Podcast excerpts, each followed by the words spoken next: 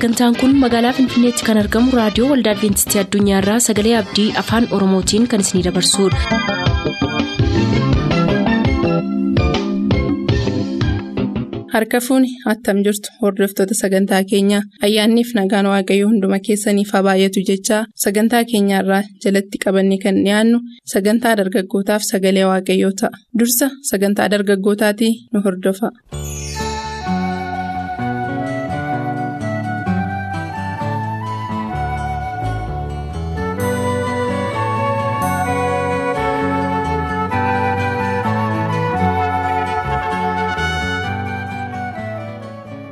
Dubbiin guyyaa kana walii wajjin barannu harka ergamaa si ariifachiisuu gadi hin dhiisin kan jedhudha harka ergamaa si ariifachiisuu gadi hin dhiisin.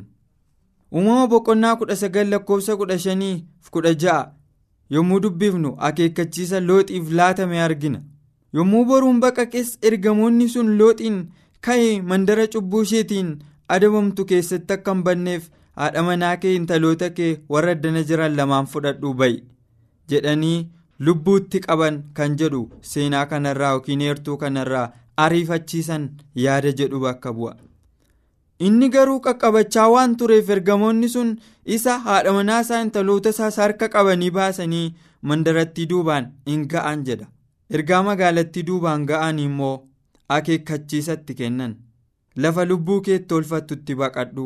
Of booddee sin ilaalin yaada jedhu dubbatan ergamoonni sun harka looxiif haadha manaasaa akkasumas intaloota isaa harka qabanii iddoo ittiin ga'uu qaban ergii ga'aniin booddee deebitee gara booddee keen ilaalin lafa lubbuu keetti olfattu hamma geessutti yaada ittiin jedhu jala muraniitti dubbatan obbolootaa akeekkachiisa sirriitti hordofuun badiisa jalaa nama oolcha yeroo baay'ee barattoonni qormaata biyyoolessaa kufan. Barumsa waan dadhabaniif utuu hin taane qajeelfama qormaatichaa waan hin eegneefidha seera ittiin zeeroo gurraachessaniif qajeelfama yeroo ittiin qormaati sun xumuramu waan hin hordofneefidha kan isaan kufuu danda'an. Sa'atii eeguu dadhabuuf akeekkachiisa eeguu dadhabuurraa kan ka'e lakkooftuu yeroo isaanii isaan gate qormaata sana kufu. Akkuma kana yeroo waaqayyo ergaa ariifachiisaa kennu hordofuu yoo baanne qormaata mootummaa waaqayyoo darbuu dadhabuutti nu geessa. Looxiif maatiinsaa erga ariifachiisaa akkanaatu isaaniif kenname.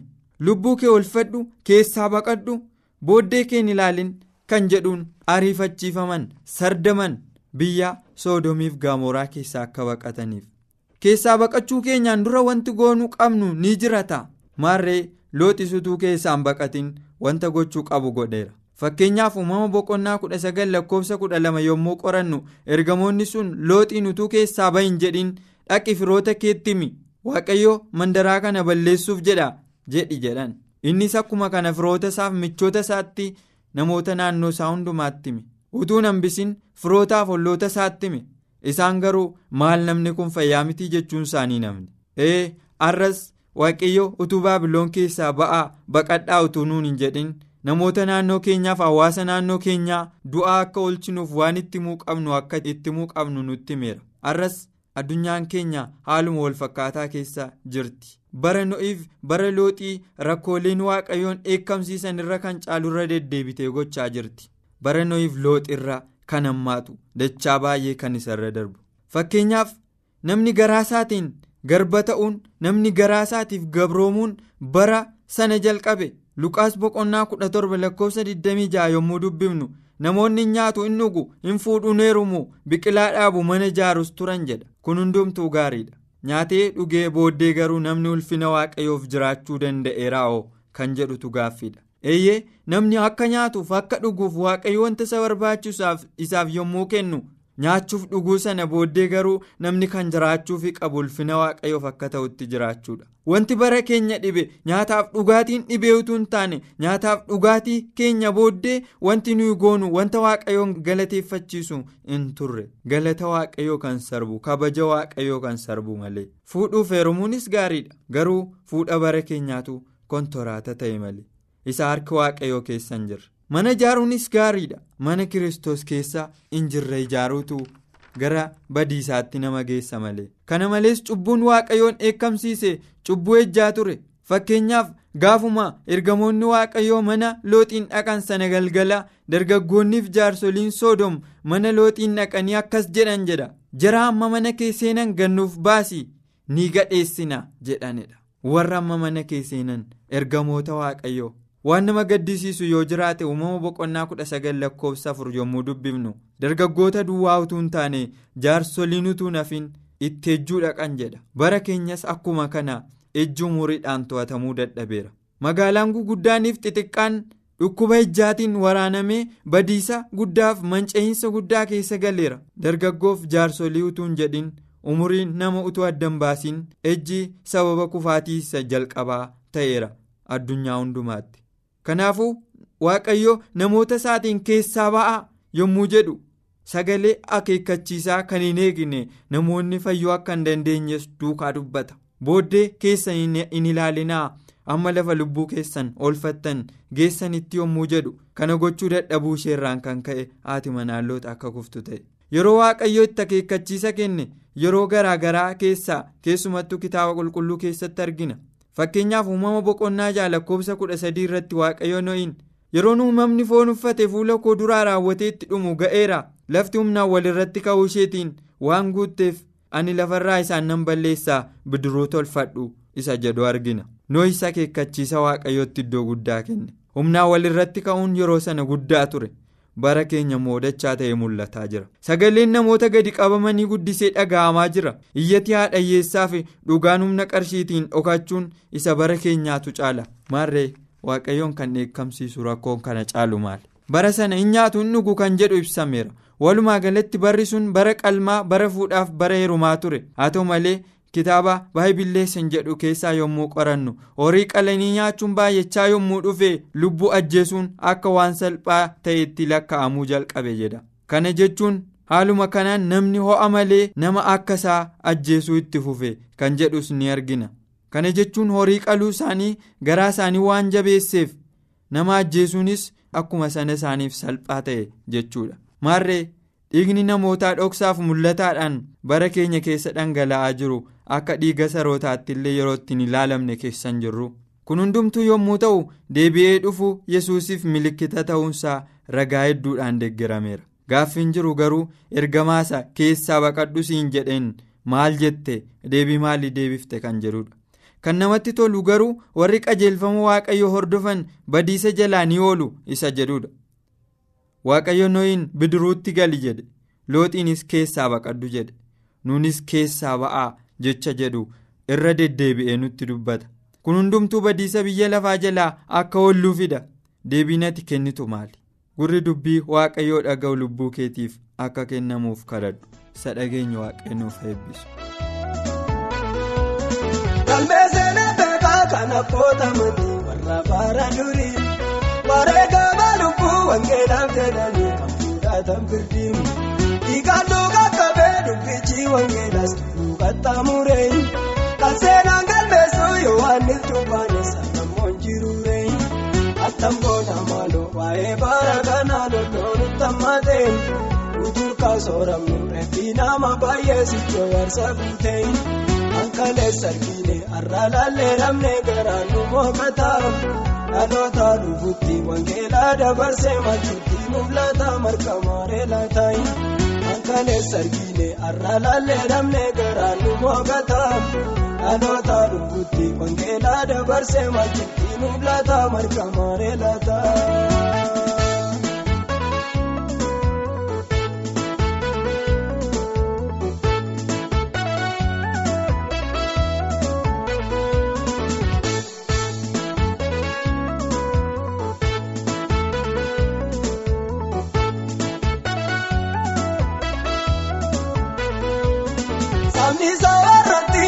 baasarratti intallaadharratti qomoodhaa wal qoodee hundumtuu wallaataa dabarsee duwwaatti kana keessa jirraa gooftaa baaraama gadeen nu qaqqabee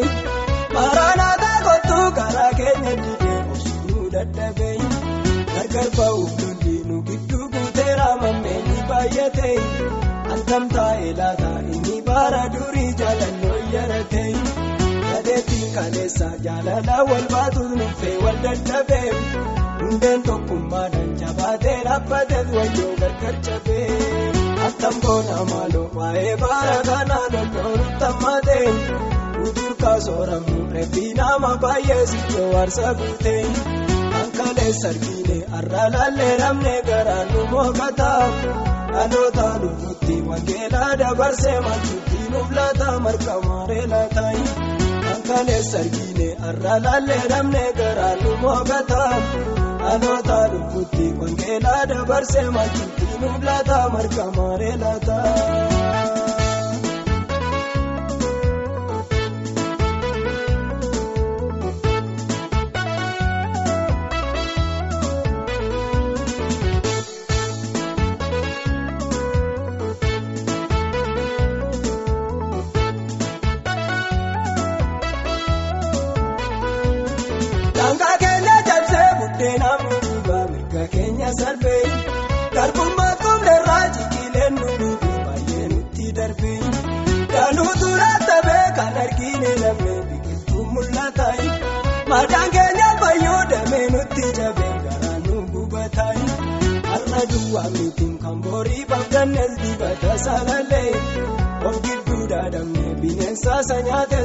Wallisaa wallaallee dibata baatanii saba kee fuulduraa warri dhaabbatanii.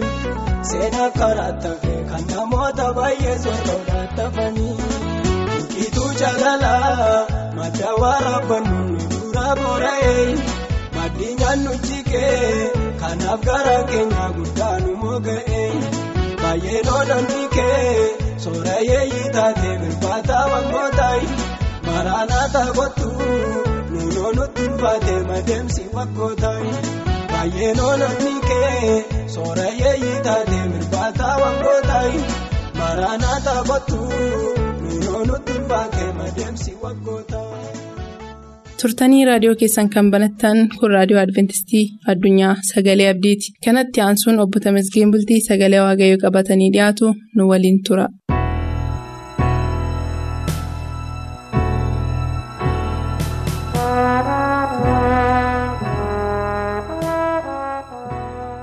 Kabajamtoota dhaggeeffatoota keenyaa nagaan fayyisaa keenyaa kan gooftaa yesus bakka bakka jirtan hundumaatti sinaa qaqqabu attam jirtu har'a sagantaa daandii qajeelaa jedhu kana jalatti tabba daandii qajeelaa mata duree jedhuun sagalee waaqayyoo waliin baranna hafuurri qulqulluun akka nu barsiisuuf kadhannaa godhannee gara sagalee waaqayyoo kanatti dabarra.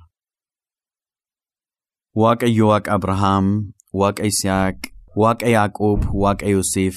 Har'a darbitee waaqa keenya ta'uun fedha kee waan ta'eef galanniif ulfinni bara baraasiif haa ta'u. Yaa abbasin kadhadhaa yeroo kanaa hafuura kee qulqulluu samii irraa nu ergitee garaa keenya bifa addaatiin bantee dhaggeeffatoota keenya ati eebbiftee sagaleen kee kun garaa isaanii keessatti faca'ee kan ija godhatee ija jireenya bara baraa naqatu akka ta'uuf fedha kee haa ta'u. Ana nama gaddeebi'aa kanatti hafuura kee qulqulluutiin fayyadami dhugaa kee nutti mul'isi. Daandii qajeelaa irra deemuutiif warra murteeffatan nu godhi maqaa gooftaa yesusiif jettee ameen. Dhaggeeffatootaa sagantaa keenya darbe jalatti torbee abjuu dhugaan akka gatii nama kaffalchiisu waliin ilaalleerra. Garbichi Waaqayyoo daandii qajeelaa irra deemu Yoseef waan qajeelaa ta'eef yeroo hundumaa akka inni dhaabataa ture waliin ilaalleerra. Namoonni isa jajanis isa tuffatanis. Namoonni baay'een karaan na ture sanarra adeemanis dhiisanis nama waaqayyoof dhaabatu ture. Nama daandii qajeelaarra adeemu ture. Obboloonni isaa kanarraan kan ka'e baay'ee jibban inni garuu jaalala ho'aa qaba ture obboloota isaatiif. Abjuun abjoota irraan kan ka'e jaalala abbaan isaa isatti agarsiisu irraan kan ka'e obboloonni isaa baay'ee jibbuu irraan kan ka'e dabarsanii isa gurguran. Biyya ormaatti kennan baay'ee kan garaa nama cabsu. Garuu Yoseef biyya ormaatti haa gurguramu malee waaqayyo wajjin ture. Harka warra Ismaa'ilootaatti yommuu dabarfamee kenname yommuu gaalota isaanii irra kaa'ame akka minaanii irratti fe'amee adeeme waaqayyo garuu isaa wajjin ture. Galanni waaqayyoof haa ta'u. Garaagarummaan dhaggeeffatoota keenyaa daandii qajeelaa irra deemuutiif daandii qajeelaa hin taane irra deemuu waaqayyo nu wajjin ta'uuf dhiisuu isaati. Waaqayyo nu wajjin ta'ee jennaan.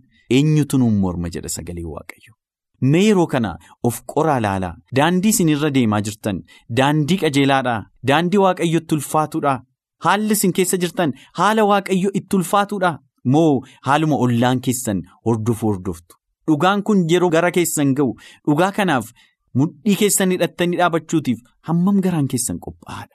Yommuu isin akka gootan yommuu isin karaa qajeelaa irra deemuutiif waaqayyo wanta jedhe nan godha jechuutiif murteeffattan. Abbaan fedhe waan fedhe haa jedhu ani garuu karaa qajeelaarra daandii qajeelaarra ulfina waaqayyootiif nan adeema jettanii yommuu murteeffattan akkuma Yoseefii wajjin ta'e waaqayyo isinii wajjin ta'a. Tarii gurguramuu dandeessu. Tarii ollaan keessan isin irratti ka'uu danda'a. Tarii obbolaan keessan isin irratti ka'uu danda'u. Keessaa falaan diinni eeboo isinitti darbachuu danda'a. Qabxii guddaan garuu waaqayyo isinii wajjin ta'a. Waaqayyo isinii wajjin ta'e jennaan immoo kan biraa maal barbaadu dhaggeeffatoota. Yoseef hin gurgurame. Yoseef.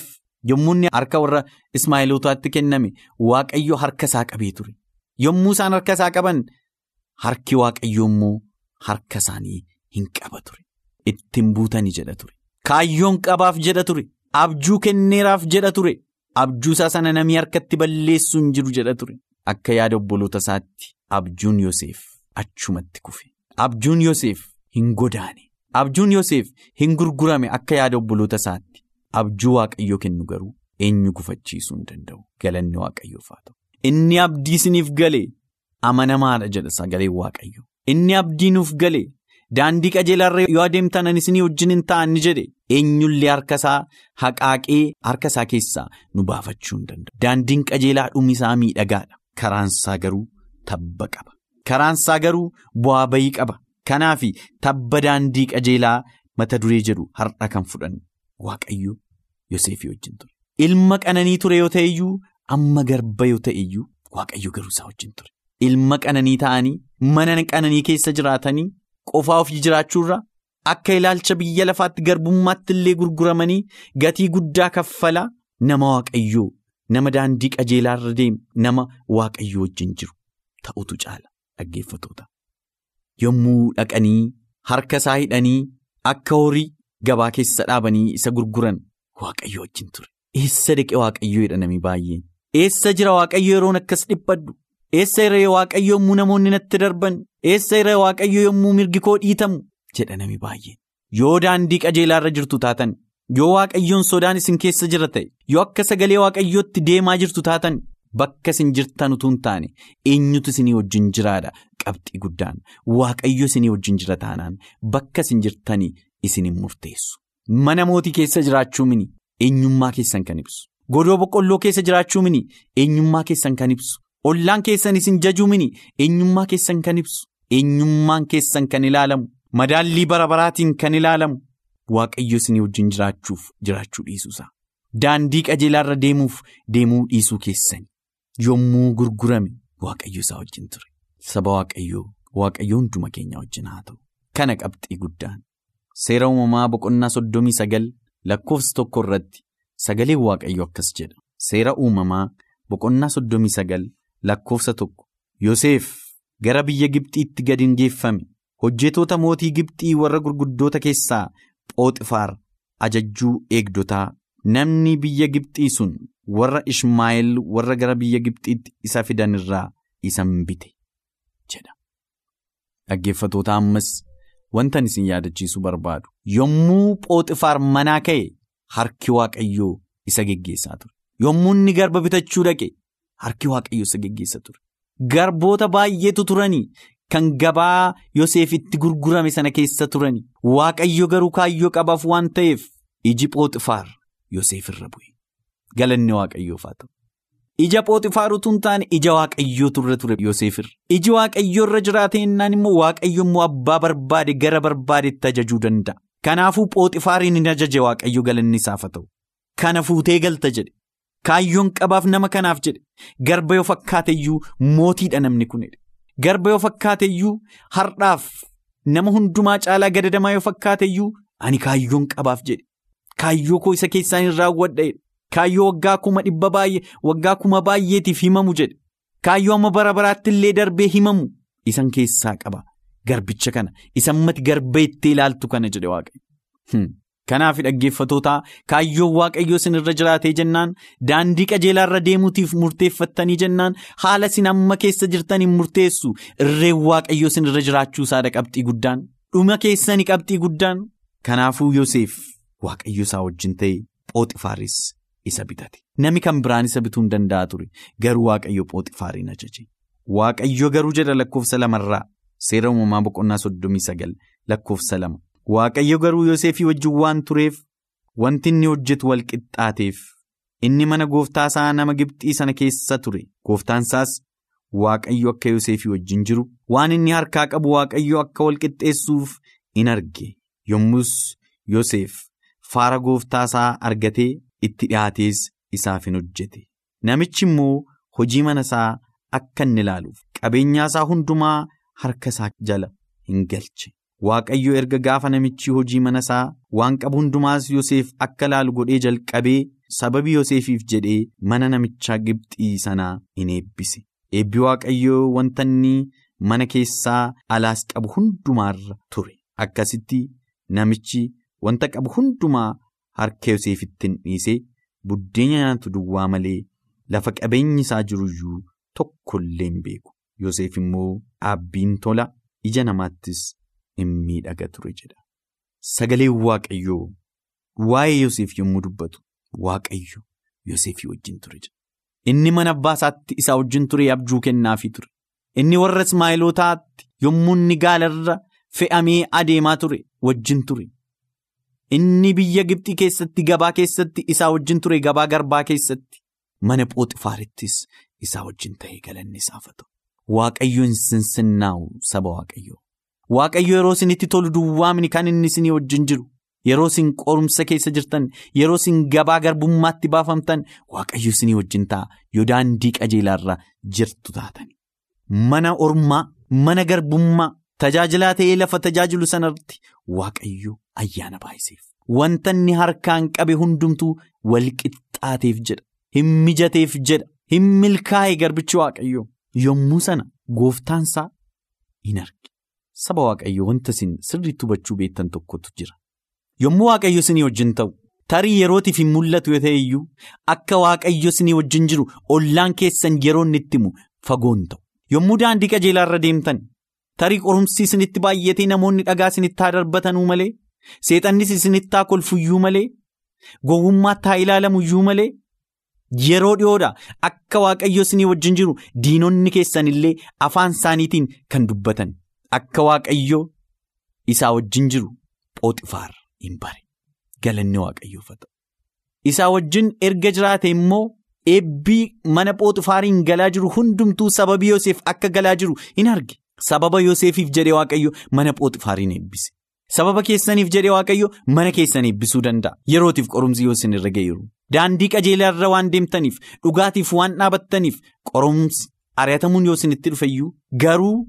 Manni isin keessa jirtan, ollaa isin keessa jiraattan, biyyi isin keessa jirtan, gandi isin keessa jirtan sababa keessaniif maqaa waaqayyootiin eebbifamuu danda'a. Yoo nama dhugaa taatan sababa Yoseefiif jedhee waaqayyoo mana phooxifaariin eebbise. Kanarraan kan ka'e jedha sagalee waaqayyoo Yoseef phooxifaar duratti ayyaana argate jedha. Ayyaana naa kenni jedheen gaafanne anaaf kanatu ta'a jedhee hin iyyanne iyyata dhiyeeffate hin qabu garuu. Akka simboo waaqayyoo irra jiru waan beekuuf waaqayyo immoo sammuu phooxifaariin waan to'atuuf orma yoo ta'e iyyuu waaqa Israa'eliin hin waaqessu yoo ta'e iyyuu waaqayyo sammuu namicha sanaa waan to'atuuf ayyaana argate Yoseef waan hundumtuu wal qixxaateef biyya garbummaatti mana ormaa keessatti.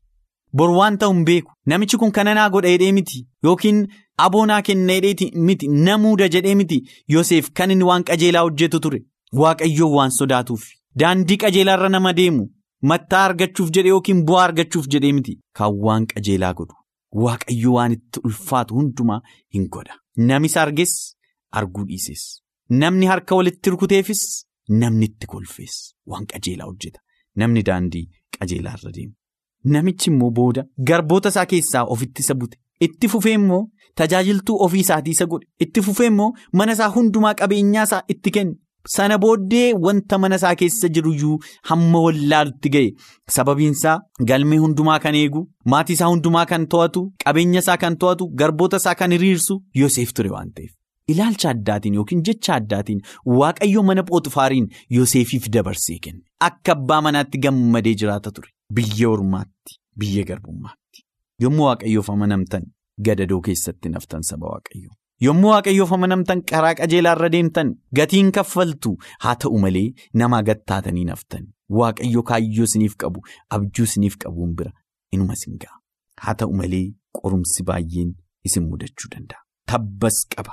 Yoseef utuun turiin qorumsi isa mudate. Haati manaa Phooxifaar naa wajjin ciifta maleetti. Sababiinsaa Yoseef baay'ee miidhagaa ture. Nama simboo qabu ture. Nama afaansaa keessaa hamaan hin baane ture. Nama nama hundumtu akka isaa ta'uu barbaadu ture. Namni daandii qajeelaarra deemu namatu isa hawwa. Ollaatu isa hawwa. Biyyatu isa hawwa. Malee biyyi sana baaru. Dura yoo irratti ka'eyyuu booda garuu akka waaqayyo wajjin jiru waan beekuuf nama hundumtuu isa kabaja. Garuu qorumsa guddaatti itti dhufe. Tabbisaa itti dhufe. Daandii qajeelaarra utuu adeemu gammadee utuu jiru milkaa'ee utuu jiru tabbi jabaan isa qabate. Haati manaa Phooxifaar naa wajjin ciifta inni garuu. Morma koo cita malee kanan godhu jedhe sagantaa isa kana caalaatti torban dhufu sagantaa daandii qajeelaa jedhu kana jalatti waliin ilaalla. Har'a garuu waaqayyoof akka ejjennoo fudhattan daandii qajeelaarra adeemuuf akka murteeffattaniif ayyaana waaqayyoof jireenya keessan dabarsitanii akka laattaniif kabajaaf jaalala guddaatiin isin gaafadhaa nagaa waaqayyoon tura.